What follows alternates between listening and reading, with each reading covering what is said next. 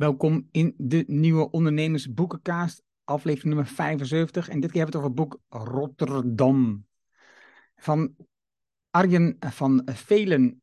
Een boek in beide in beeld als je naar de video kijkt. Het boek is een uitgave van de correspondent. De ondertitel is Een ode aan inefficiëntie. Nou, daar komen we zo meteen op terug wat dat inhoudt. Arjan is dus een auteur. Hij schrijft essays, vooral bij de correspondent. En het boek is ook gebaseerd op meerdere essays um, die je op de correspondent ook vindt. En het is, uh, wat je niet ziet, als je de zijkant ziet, dan zie je ook hoe dik het is. Het is, een, uh, het is niet een echt dun boek, zeg maar. Maar het boek is wel lekker geschreven. De hoofdstukken zijn, zeg maar, maximaal zo'n 20 pagina's ongeveer zeg maar 15 tot 20 pagina's. Um, en, en elke hoofdstuk lees je ook zo weer door. Het is, uh, je hebt een hoofdstuk zo uit en kun je het aan de kant leggen, maar je kunt ook gewoon acht, twee hoofdstukken achter elkaar, achter elkaar lezen. Het, is het leest gewoon echt heel lekker weg. Hij schrijft heel fijn um, persoonlijke um, herinneringen en verhalen, maar ook geschiedenis uh, van Rotterdam. Het, het, is gewoon de geschiedenis van Rotterdam en neemt je mee met de ontwikkeling van Rotterdam, de verandering van de havenstad, de verandering van de inwoners. En hij is geboren en getogen in Rotterdam en is daar ook weer naar teruggekeerd. Dus, uh, het, ja, het is echt gewoon een mooie cirkel. Korte introductie van mij van het boek. Tom, jij?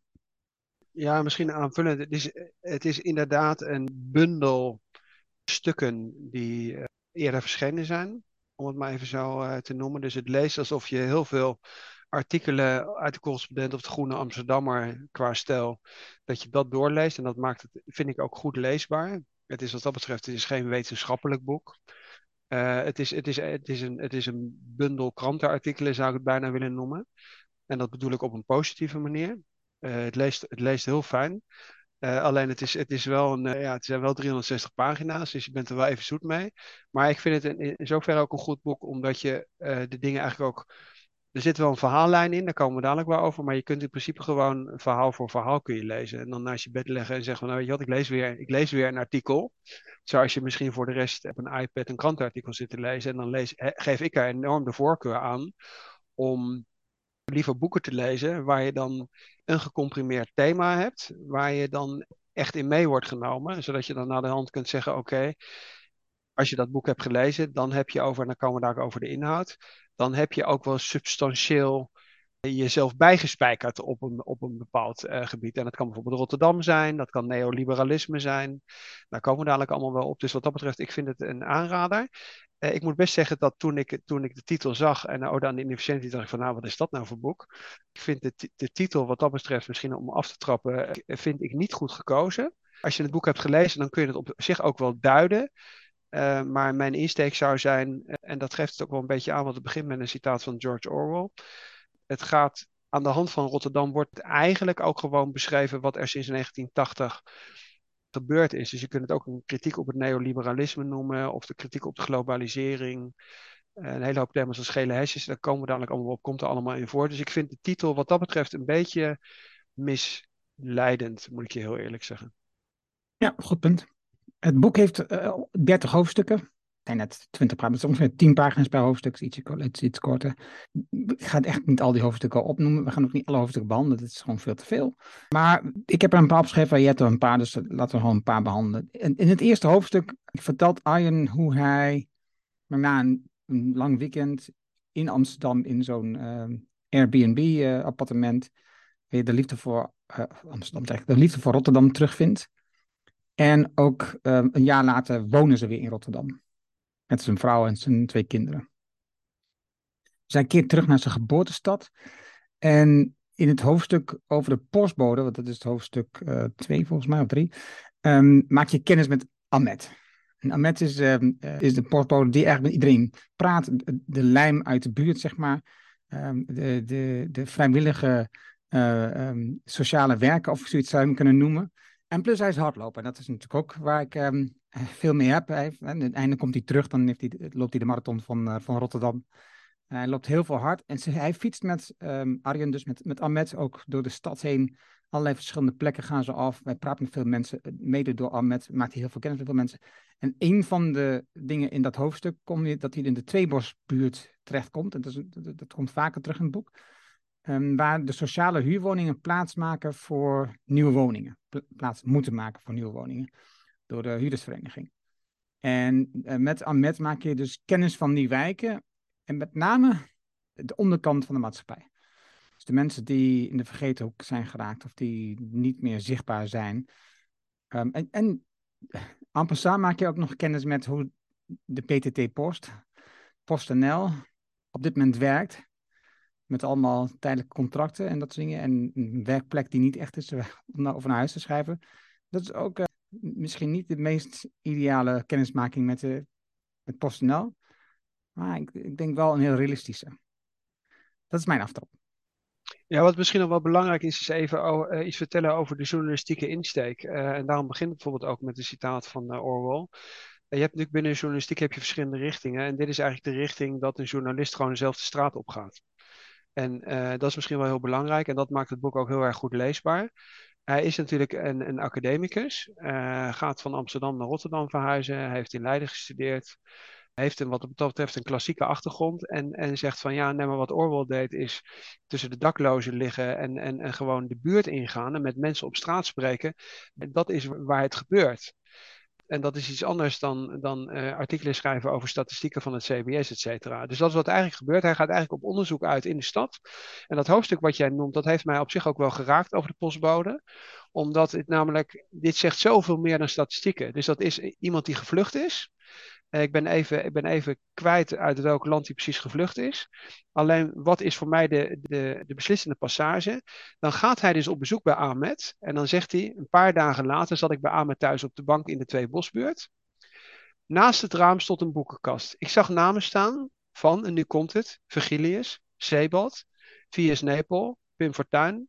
Aan de muur een beroemde foto van Mohammed Ali, gebogen over Sonny Liston. Verder, verder opgeruimd uh, een ingelijste Korantekst. En dan zegt hij van overdag werkt hij als postbode. Uh, als hij terugkwam van zijn werk, kreeg hij vaak naar documentaires op Arte, de Frans-Duitse cultuurzender. Of hij las boeken en artikelen. Ik ben een ongeneeslijke lezer. Ik heb een brede interesse uit noodzaak. Dus wat zie je? Iemand is gevlucht, is intellectueel, want anders heb je die boeken dus allemaal niet in je kast staan. Kijkt naar Arte, nou, ook een niche-zender voor de intellectuelen. En dan zit, zit je dat te lezen en dan denk je, Jezus Christus, die postbode, dat is de intellectueel. En dat is iets wat, wat als een rode lijn door het boek loopt. Dat, dat hij uit die, uit die ivoren journalistieke toren naar beneden de straat op gaat. En dit soort gesprekken eigenlijk documenteert. En dat vind ik meesterlijk uh, de manier waarop hij dat eigenlijk doet. Dus misschien dat even aansluitend op, dat, op die introductie van jou over de postbode. Ja, dat is mooi. In het hoofdstuk over hokjes dat is ook zeer interessant, want ook dat komt later terug. Maak je kennis met het algoritme wat in Rotterdam is gebruikt. Het algoritme om te bepalen of je kansarm of kansrijk bent. Want als je kansrijk bent, mag je naar een bepaalde buurt. Als je kansarm bent, dan moet je er eigenlijk weg. Je wordt uit de stad geduwd. Daar komt het op neer. En dus er wordt bepaald of er ruimte voor je is in de stad, of in een bepaalde wijk, of beter van niet. En we komen straks weer terug, want er komen een heleboel van dit soort aspecten naar voren. Eigenlijk, zeg maar, de, ja, de ernstige gevallen door het neoliberalisme wat ontstaat in de maatschappij, eh, maken we kennis mee in het boek. En dan ietsje verder kom je op het hoofdstuk een huizendief. En daar zie je ook weer datzelfde. Dat zijn dan al mensen die jij in, ik, in ieder geval niet tegenkomt in het dagelijks leven. Dan maakt je kennis met een kraker. Die heeft een bijnaam, dat maakt niet uit, dat is niet belangrijk. In die uh, Tweebosbuurt, waar Vestia, dus, dus de woningcorporatie, probeert die, die woningen leeg te krijgen. Um, maken dus weer krakers, probeer dus weer woonruimte te claimen. Er zijn regels voor, de Nederlandse wetgeving, uh, hoe dat mag. Hè. Dus je moet daar, ik eh, tenminste drie dagen hebben gezeten zonder dat je hebt opgemerkt. Uh, dan, dan is die woonruimte in principe van jou. En, en dus, ja, dus, en, en dan komt de politie en wat hij als Arjen ook heel vaak om identiteitspapier gevraagd om zijn perskaart gevraagd. Hij zegt vaker dan ooit in die wijk, en vaker dan ik dat nu toe ooit is gebeurd bij mij.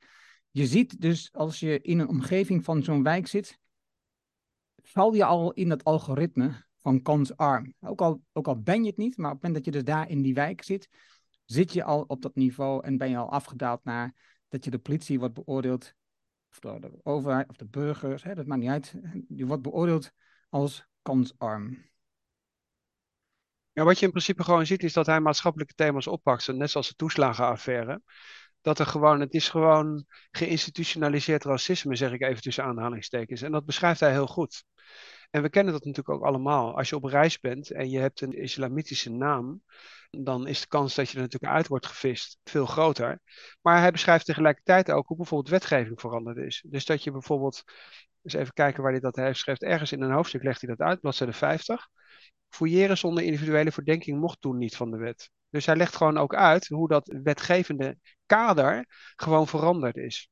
Dus, maar de wet werd een paar jaar geleden zo aangepast dat burgemeesters voortaan delen van de stad konden uitroepen tot veiligheidsrisicogebied, tussen aanhalingstekens. Tegenwoordig is bijna heel Rotterdam-Zuid, maar ook bijvoorbeeld het centrum van Rotterdam en grote delen van Amsterdam, zo'n veiligheidsrisicogebied. De politie mag er zomaar je kleding of auto doorzoeken. Nou heb ik onder andere, ik heb rechten gestudeerd en ik dacht dat dat dus niet, dat dat niet mo mocht.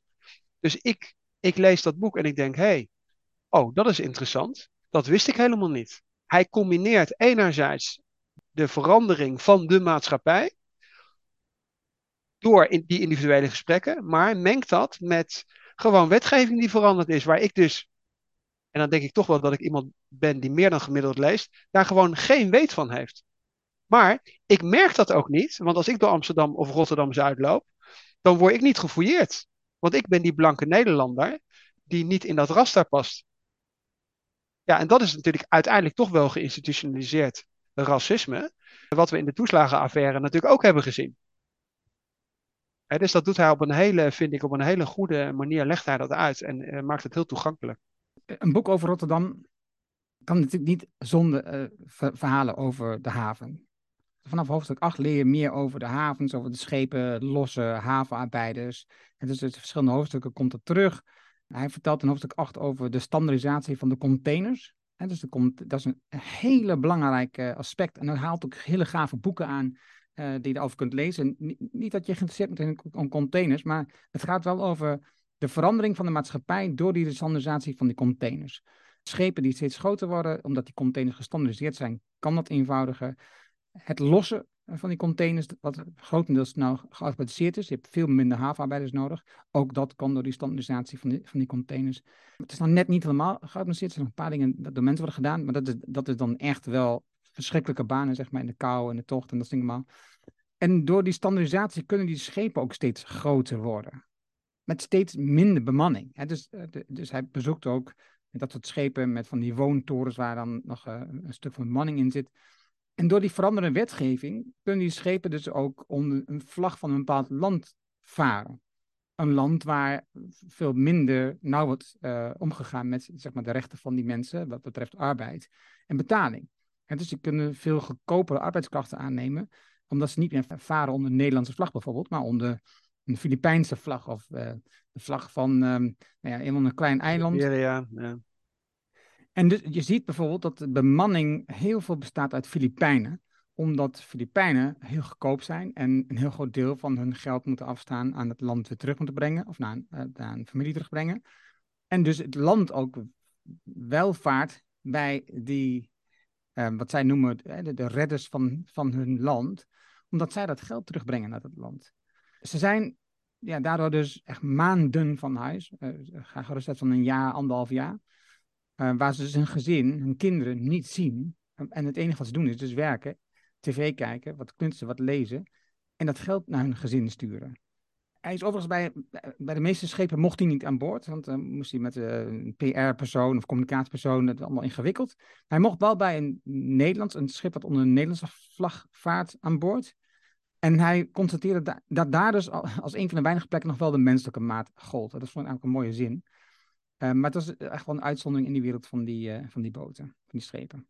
Ja, ik wil er nog een kort iets over toevoegen, want ik had inderdaad exact dezelfde passage er ook uitgehaald op hetzelfde hoofdstuk. Ik wist dat bijvoorbeeld niet van die, ik bedoel, ik weet wel dat die containers de logistiek helemaal veranderd hebben, maar dat dat zo extreem was, wist ik niet. Dus op bladzijde 87 zegt, legt hij dat even uit, dat er een uitvinder is, Malcolm McLean. Nooit van, ik heb nog nooit van de goede man gehoord.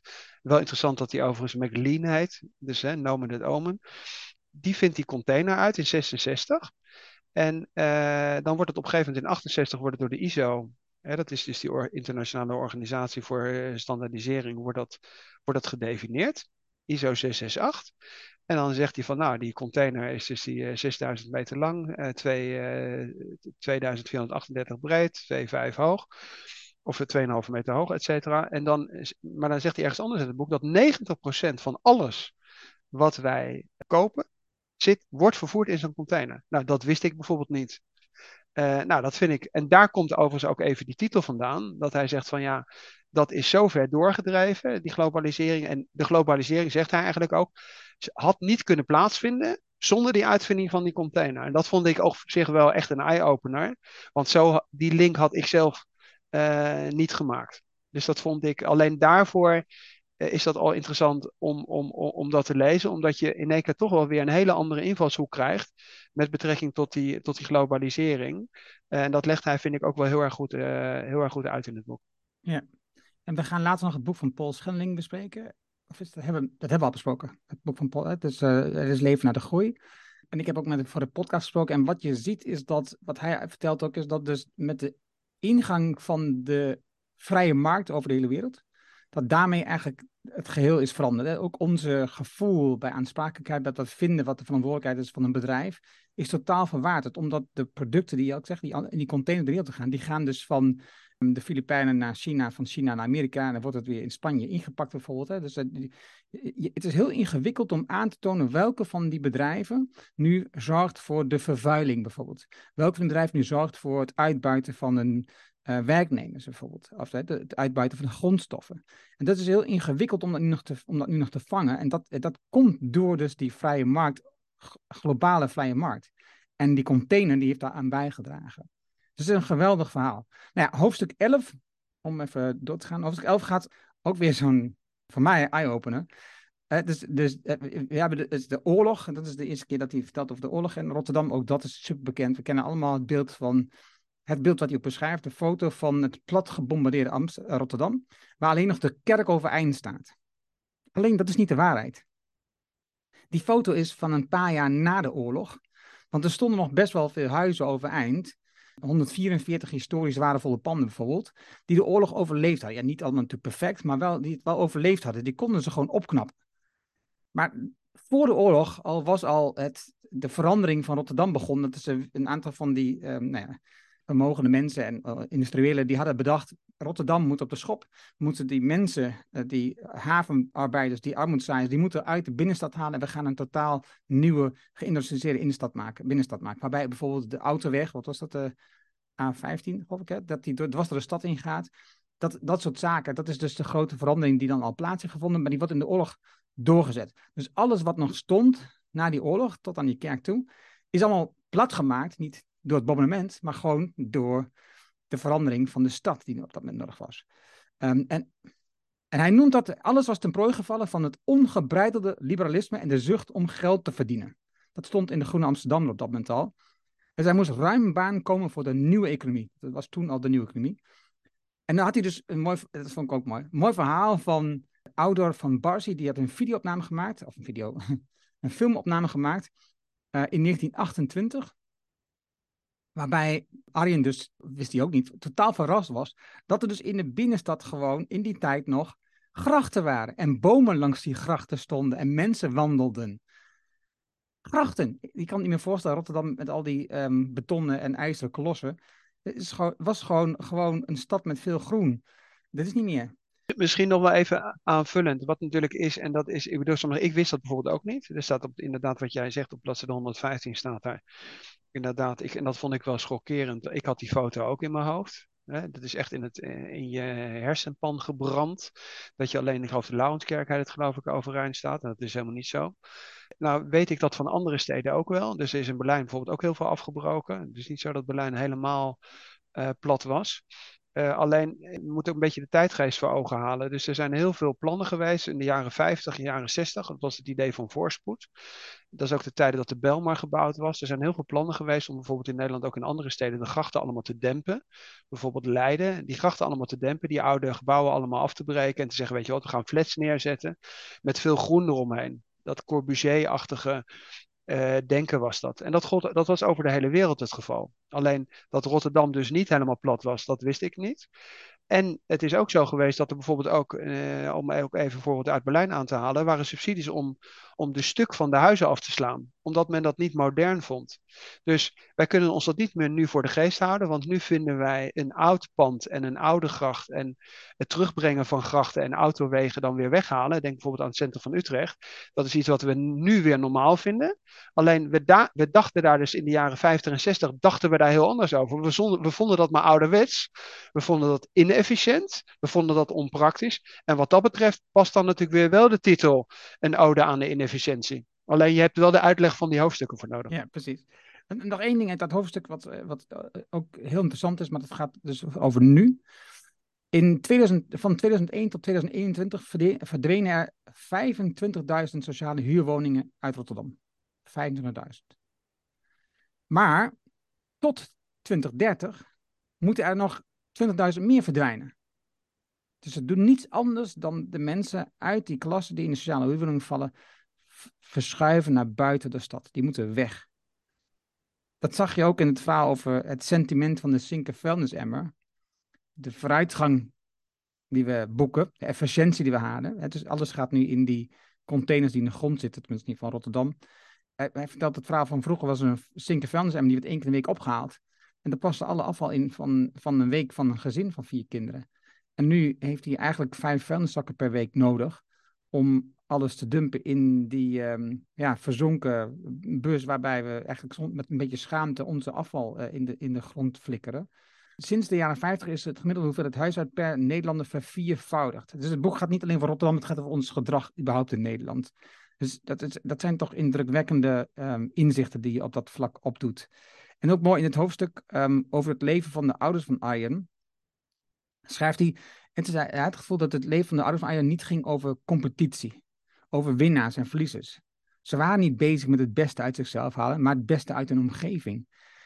En eigenlijk is dat waar we, denk ik, in mijn optiek weer naar teruggaan op dit moment. We zijn nu bewust bezig om na te denken, hoe, kom, hoe kunnen we teruggaan naar die wereld? Grachten in, in Utrecht, wat je net zegt bijvoorbeeld, maar ook gewoon nadenken over wat kan ik doen voor de ander, alleen plaats van denken, wat, hoe kan ik zelf beter worden? Ja, eigenlijk is als je in principe weer zou zeggen van ja, wat, zou de, wat is de titel en wat is eigenlijk naar de hoofdlijn? Eigenlijk is het een kapitalisme kritiek. Het is een, uh, het is een, een, een, journalistieke wandeling door de stad, hè, wat we al net zeiden. Het is een kritiek op het neoliberalisme, komen we dadelijk ook even over. Het is, het, het is van, we moeten weer van egoïsme, moeten we naar collectief saamhorigheidsgevoel. Uh, dus wat dat betreft past het heel erg goed op dit moment in de tijd, omdat we waarschijnlijk net over de top heen zijn. Iedereen ziet wel dat op de manier waarop we bezig waren, dat we daar niet mee door kunnen gaan. En dat heeft een milieucomponent. Je noemde dat even de vuilniszakken. En wat, wat het ook weer zo interessant maakt is, om, om dat even weer uit te leggen, is hij gaat dan kijken wat gebeurt er met mijn vuilniszak. Dus hij gaat naar die vuilnissorteerafdeling.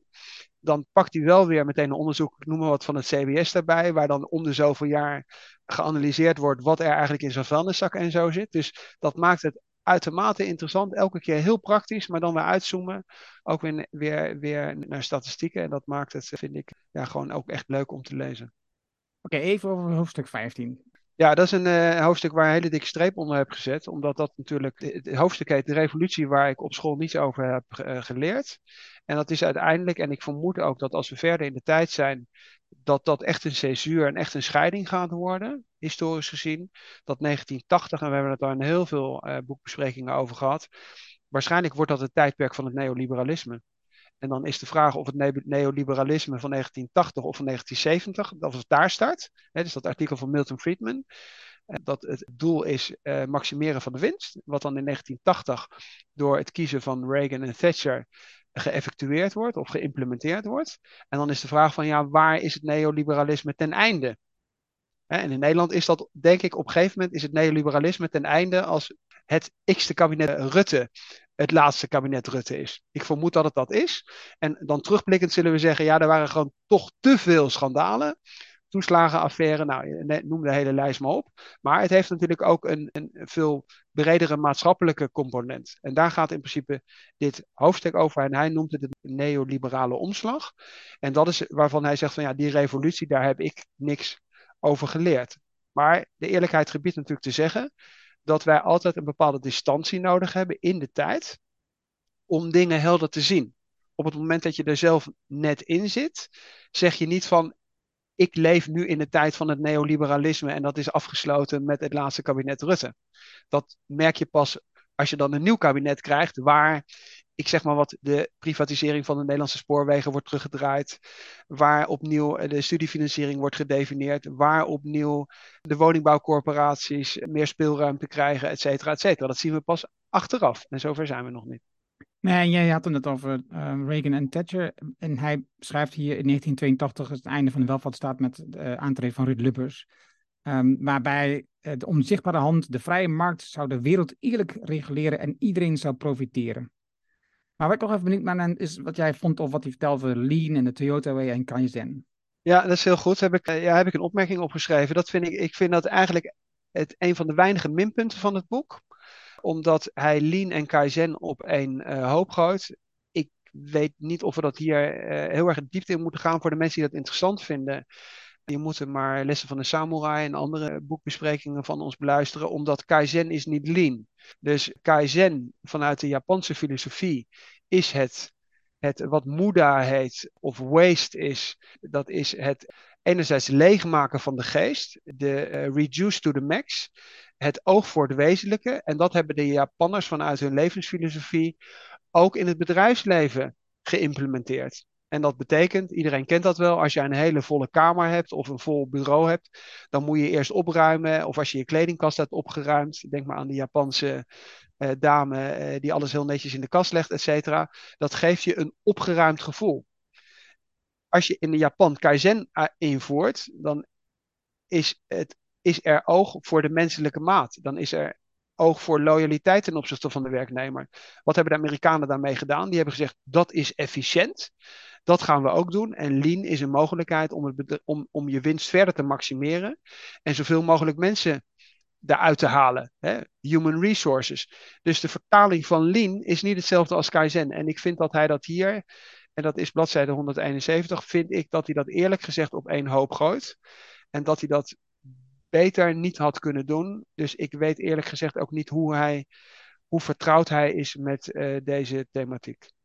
Wat hij nog zegt, ook in het hoofdstuk, is er drie gigantische allianties die er zijn van rederijen wereldwijd. En die hebben 80% van de wereldmarkt in handen. We hebben het eerder gehad over hidden champions, waarbij ook bedrijven zeg maar 80% van hun markt in handen hebben.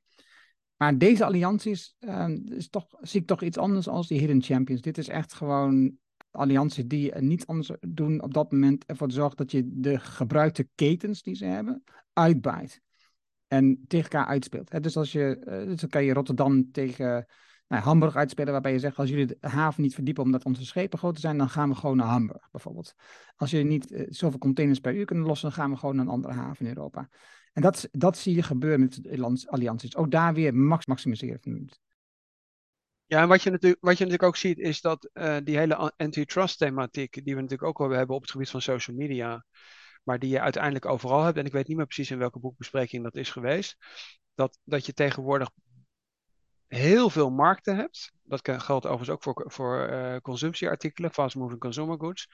Dat je, dat je in heel veel sectoren eigenlijk ziet dat er drie of vier bedrijven de wereldmarkt onder elkaar opdelen.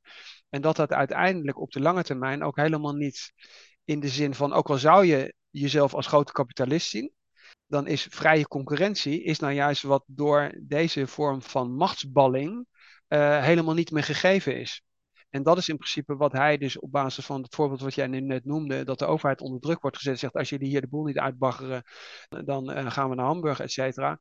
Dat is uiteindelijk, ik noem het even machtsmisbruik tussen aanhalingstekens. Je kunt zeggen, de vrije markt, als je het al over de vrije markt hebt en erin zou geloven, dan functioneert die vrije markt in dat kapitalistische model ook helemaal niet meer. Maar dat wist ik bijvoorbeeld ook niet, dat zo'n hoog percentage van die logistiek uh, door drie bedrijven min of meer opgedeeld wordt. En hij laat dat ook, ik weet niet of dat in dit boek was, maar ik heb ook ergens een soort uh, diagram gezien van alle fusies van al die containerbedrijven. Ik geloof niet dat, nee, dat is niet in dit boek, wat ik overigens ook helemaal niet wist. En dat boek wat je net noemde, dat gaat, ik ben even de titel ook kwijt, maar ik zal het in de show notes opnemen. Dat ga ik over die, uh, die reuzenbedrijven. Ja, klopt. Ik, die pak even. Ja, en dat was toen ook al een eye-opener. Want ik dacht van, nou, voor Google en Facebook en zo weet ik het wel van de advertentie, et cetera. Maar dat is dus blijkbaar voor de mode, indie tekst en weet ik veel wat allemaal. Het is dus eigenlijk tegenwoordig De vraag is op een gegeven moment, ja, waar is dat niet zo? In welke sector is het niet zo dat de markt opgedeeld wordt door vier, vijf spelers? Ja. Oké, dan heb je een ander indrukwekkend hoofdstuk, is het hoofdstuk van, van Nadia. Het hoofdstuk, dat heet De Sterke Schouders van Nadia. En dit gaat over de toeslagenaffaire. En dan denk je, oké, okay, toeslagenaffaire, niets bijzonders, maar hij maakt het weer persoonlijk tot gesprek met Nadia, waardoor je heel erg uh, niet een afstandelijk verhaal krijgt, maar voelt wat er gebeurd is. En Nadia die is alleenstaande moeder met vier kinderen. Um, moet dan natuurlijk die kinderen ergens naar de opvang brengen om zelf te kunnen blijven werken, want ze is alleenstaande moeder, dus ze moet zelf geld binnenbrengen. En dan uh, wordt dus door uh, de overheid geconstateerd dat dat uh, waarschijnlijk niet goed is gegaan. En ze moeten, en dat, en dat was dus ook weer zo'n wetgeving van dat je dus één fout betekent alles terugbetalen. En ze moeten dus 20.000 euro terugbetalen en kwam daarmee in de schuldsanering terecht. Natuurlijk, op een bepaald moment als je honger hebt, dat snapt iedereen. Hè? Dus als je van de afstand ernaar kijkt, dan zie je dat die mensen, dat zijn de asociaal, dat zijn mensen die waarschijnlijk wel iets fout hebben gedaan. Sterk nog, eh, haar eigen familie keert zich tegen haar en, en, leent geen geld met haar. Want ja, de, overheid blijft volhouden dat ze het niet goed doet. Hè. Dus, zeker na rechtszaken blijft nog steeds van overtuigd dat zij het niet goed heeft gedaan. En dus gaat ook de familie aan haar twijfelen. Dus je verliest alle houvast om je heen. En dus op een afstand denk je, ja, ze zal, ze zal, toch, iets, um, ze zal toch ergens fraude hebben gepleegd waarschijnlijk ze pleegt geen fraude, maar ze pleegt wel diefstal. En, en, het is veel minder erg dan je denkt. Hè. Ze, ze steelt wat eten, want ze heeft, ze heeft gewoon niks meer. De eerste keer dat ze dat doet, en ze, ze vindt het heel erg moeilijk. Ze kan het ook niet goed. Ze wordt er gewoon betrapt daarom, omdat ze het gewoon niet kan. Maar ze heeft wel eten nodig. Dus ze, ze belooft dat het niet meer gebeurt, maar het gebeurt gewoon weer. Ze heeft gewoon weer eten nodig. En dan komt ze een, een dag in de gevangenis. En dan zie je dus gewoon dat iemand gewoon echt volledig afgeleid. En uiteindelijk vertelt ze dan dat ze dus een, bedrag van 30.000 euro terugkrijgen als een soort compensatie. En daarmee kan ze de schulden niet eens afbetalen. Want door die 20.000 die ze moest terugbetalen, heeft ze gewoon veel meer schuld opgelopen dan dat ene bedrag. Plus alle emotionele problemen die er natuurlijk zijn op dat moment. En, en dan heb je, ja, waarom is dit nou zo belangrijk in het boek van, van Rotterdam? In Rotterdam zijn dus 5600 ouders ten onrechte als voor deur gebrand net. 5600. Waarbij als een doorsnee Marokkaanse Nederlander werd, had je een kans van zes keer zoveel om vals beschuldigd te worden van fraude dan, dus, dan de witte Nederlander. Het, het hoofddruk, ik, je merkt het misschien als ik het over vertel, het raakt me enorm. Dat dit, dat dit kan gebeuren, dat raakt me echt enorm. Maar ik had nog niet eerder zo het verhaal gelezen van iemand op die manier, dat, die dat zo vertelt, waardoor het zo dichtbij komt. En je ziet wat er kan misgaan als een overheidsinstantie, en of dat nou politie is of de Belastingdienst, maakt niks uit, een profilering gebruikt en discriminatie toepast. En ze werken allemaal in het systeem en ze gaan het uiteindelijk allemaal gebruiken. En ze, duwen die mensen allemaal van zich af. dus om zelf ook te kunnen slapen s'nachts, duwen ze dat verhaal van zich af. En worden heel afstandelijk en zien niet meer de mens achter de situatie. Dus dat is echt verschrikkelijk gewoon uiteindelijk. Maar wat ik heel in het hoofdstuk heel interessant vind, en dat is iets wat ik ook niet wist, dat is op bladzijde 220 en 221. De Rotterdamse rechters die weken van de landelijke lijn af. Dus hij schrijft op, op bladzijde 220. De alles of niets benadering knelde steeds meer, voelde onrechtvaardig aan al dus een van de bestuursrechters, meneer Waller, in het rapport recht vinden bij de rechtbank lessen uit kinderopvangtoeslagzaken. En dan schrijft hij op de, op de volgende bladzijde, de Rotterdamse rechters weken als enige in het land lange tijd bewust af van de landelijke lijn onder het motto proportionaliteit, redelijkheid en menselijke maat. Leer je over, zoals je recht studeert, de redelijkheid en billijkheid, het basisprincipe van ons, van ons juridische fundament. Geen enkele manier meer uh, aanwezig.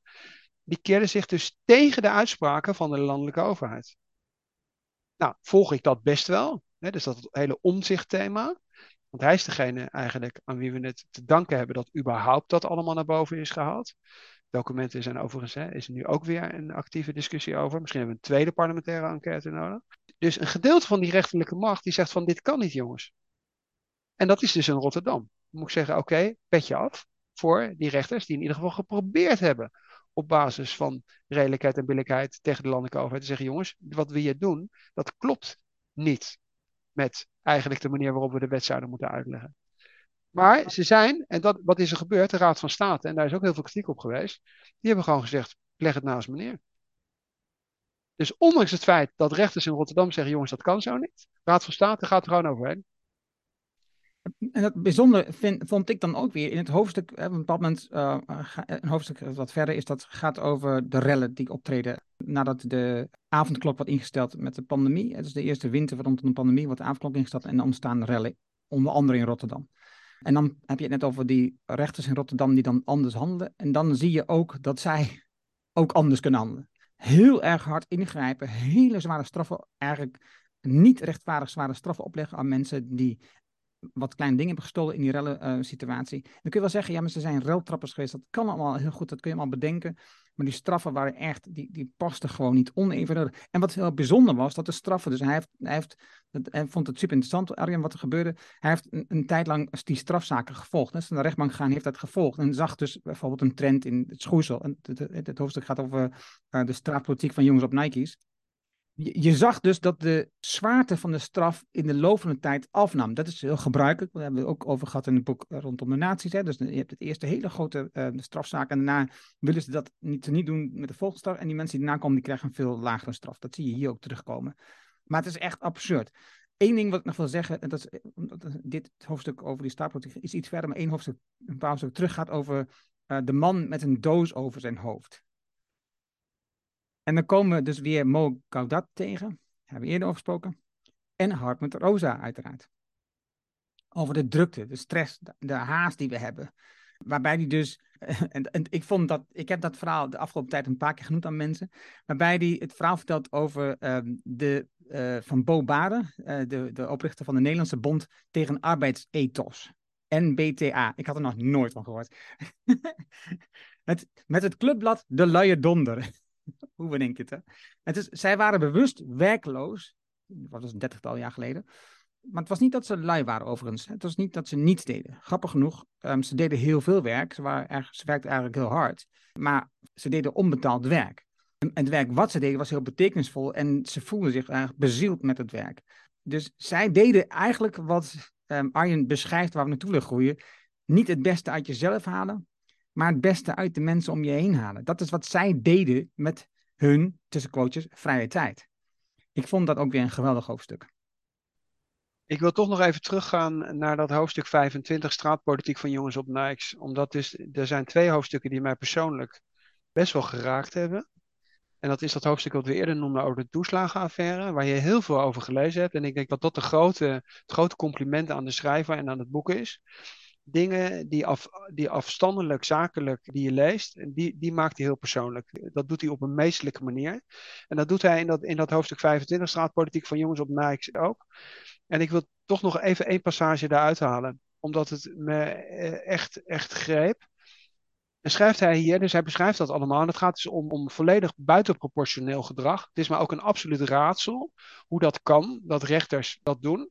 Ik heb zelfs niet in de rechtbank gelezen, maar ik, ga, ik lees wat in dat boek staat. En hij heeft er geen belang bij die dingen anders te, op te schrijven. Dan schrijft hij hier, toen ik de rechtbank uitliep, bladzijde 281, was het stralend weer. Maar in mijn hoofd denderde het. In hun handjes wrijven. Ik zag twee levens, nu komt het, die bijkans in de knop geknakt waren. Jongens van Zuid, op oude Nikes uit bijstandgezinnen of daaromtrent. Schoon strafblad.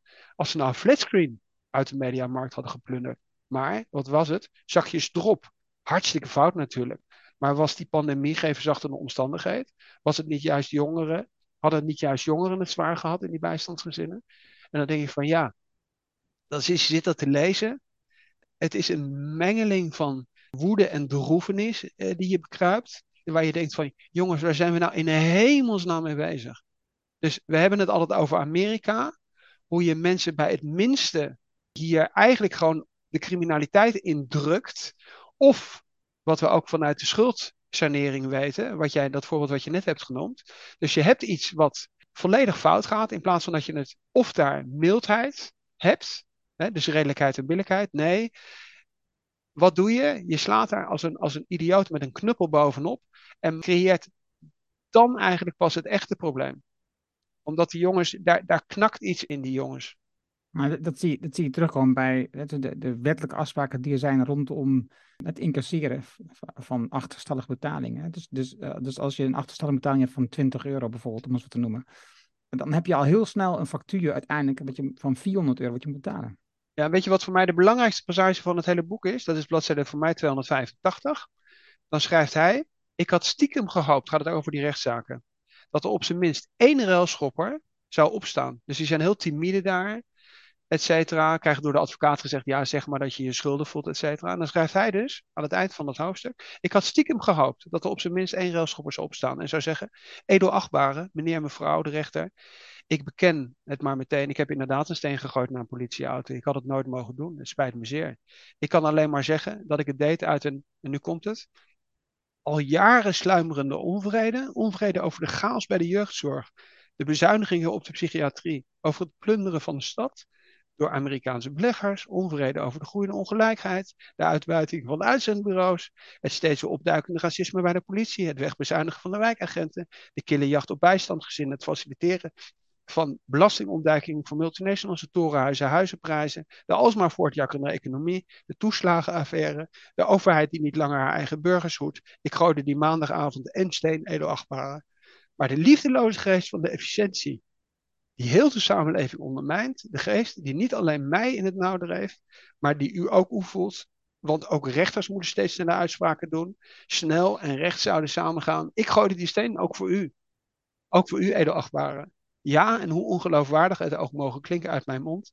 En nogmaals, het spijt me uit de grond van mijn hart. Ah, dat kun je, daar kun je wel een lijst omheen hangen. Het is te bedroevend voor woorden. En je moet je eigenlijk, als je daar zit en dat recht spreekt, je zou je kapot moeten schamen. Het is droevig ik, ik sluit me zo af. Het, het, is nou één hoofdstuk wat ik wil vermelden. Het is een ander hoofdstuk. Het is eigenlijk van dezelfde orde. Maar gaat dan niet over de mens, maar gaat over de ecologie. Het, hoofdstuk over de geschiedenis van de beer. Dat is een, een bijzonder stuk natuur voor de kust van Rotterdam. Wat ooit gecreëerd is door de haven uit te baggeren en dat zand op te spuiten. Wat heel lang rustig laten door heel veel andere dieren daar terechtkwamen. Maar wat weer moest wijken voor de industrialisatie, voor de vernieuwing, voor de nieuwe wereld en noem maar op, voor de winstoptimisatie. Het is een fantastisch hoofdstuk om te lezen, ook dat hij dat bezoekt. Eh, het hoofdstuk over met kajak, dat hij het bezoekt, dat eiland. Er zitten echt gewoon hele mooie verhalen in. Um, en ik, dat verhaal over die kajak, ook, dan zie je, ik zie het gewoon voor me, dat hij eh, zeg maar, zo'n kajak opblaast en dan met zo'n met zijn lucht um, opgeblazen kajakje die, die, die rivier overstroomt tussen die grote schepen door. Je kunt je niet voorstellen hoeveel schepen op dat moment doorheen gaan. Het geloof elke twee minuten een schip wat je dan doorkruist. Het boek is fantastisch. Arjan deed onderzoek naar geschiedenis, het wonen, het werken, de klasverschillen, het wegduwen van mensen aan de onderkant in Rotterdam. Het is een heel leerzaam boek. Met veel achtergrondinformatie die ik niet wist over Rotterdam, überhaupt niet wist. Want dat speelt in veel meer steden en veel meer gebieden in Nederland. Het is een heerlijk boek om te lezen. Maar je merkt net ook aan wat uh, Tom net zei. Dat, ja, dat er ook elementen in staan die enorm raken. Wat je, eh, door het zo persoonlijk op te schrijven. Het is een boek, ook al kom je niet vaak en ben je niet gek van de stad van Rotterdam, echt, echt de moeite waard is om te lezen. Dus uh, lees dit boek om meer te leren over waarom de containers uh, in, in de haven van Rotterdam zoveel vertellen over onze welvaart en welzijn. Ja, ik heb daar voor de rest niet zoveel aan toegevoegen. Je merkt, wat ik al eerder zei, het is een combinatie van enerzijds veel kennis en achtergrond. Dat weet hij op een fantastische manier te combineren met, met ja, eigenlijk het persoonlijke lot van, van mensen. Van, van maatschappelijke, ja, wat, we, wat we eigenlijk maatschappelijk aan het aanrichten zijn. Hoe we eigenlijk, om het maar heel plat uh, te slaan, hoe we eigenlijk onze maatschappij in het neoliberalisme gewoon naar de Filistijnen helpen. Uh, we, we, staan daarbij en we kijken erna. We hebben het over de gele hesjes, we hebben het over de rassenrellen in Amerika. We hebben het over Engeland soms, et cetera. Maar het is gewoon voor onze eigen voordeur. In Nederland gebeurt exact hetzelfde. Misschien kwalitatief nog op een ander niveau en meer onder de radar. Uh, maar misschien juist ook onder de radar, omdat wij zelf als, als witte Nederlanders uh, wonend in wijken waar we veel minder daarmee geconfronteerd zijn, daar veel minder kennis van hebben en daar, en daar abstract zakelijk over lezen. En dat, wat dat met de mensen doet, wat dat met een individu doet wat dat met, met andere mensen doet. En dat is misschien nog wel de, om de cirkel weer rond te maken. Hij schrijft, en daar zitten natuurlijk wel heel veel overeenkomsten, ook met mijn eigen biografie in. Onze generatie is opgegroeid in een soort tijdsluik, waar studiefinanciering en sociale mobiliteit, waar heel veel kansen waren. En hij schrijft van zijn vader is van school gegaan en hij heeft geloof ik zes, zes uh, broers en zussen. En die hebben allemaal gestudeerd. Nou, en precies in diezelfde fase heb ik ook gestudeerd. Mijn vader had ook niet gestudeerd. Uh, kon niet door de oorlog, et cetera. En dat luik van window of opportunity, dat sluit nu. Ook overigens voor de middenklasse. En dat is overigens waarom je ook, en daar gaan we het volgende week over hebben, het boek van Michael Sandel. Dat is wat er gebeurt. Dus je krijgt die gele hesjes en die maatschappelijke onvrede. Zolang die maar bij een hele kleine groep is, kun je het wegdrukken. Maar die heeft inmiddels al lang de middenklasse bereikt. En dat is wat het ongelooflijk gevaarlijk maakt. Dat je dit, deze problematiek veel serieuzer zou moeten maken. Ik hoop dat het neoliberalisme heel snel ten einde is, ook in Nederland. En dat we heel snel eens terugkijken en zeggen: wat hebben we tussen 1980 en 2020 fout gedaan? En wat gaan we successieve herstellen en corrigeren voordat echt de pleur is uitbereikt? Om het maar even veel duidelijker kan ik niet uh, formuleren. Ik kan niet anders zeggen, dankjewel Arjen voor het schrijven van dit boek en uh, de correspondent voor het delen van dit boek met ons, zodat wij deze aflevering konden opnemen. Dankjewel voor het luisteren naar deze aflevering. Ik vond het weer fijn om voor jou deze aflevering te maken. En uiteraard vond ik het zelf leuk om dit met elkaar te bespreken. Dankjewel en graag tot de volgende. Dankjewel Tom. Ja, dankjewel Erno. Dankjewel luisteraars.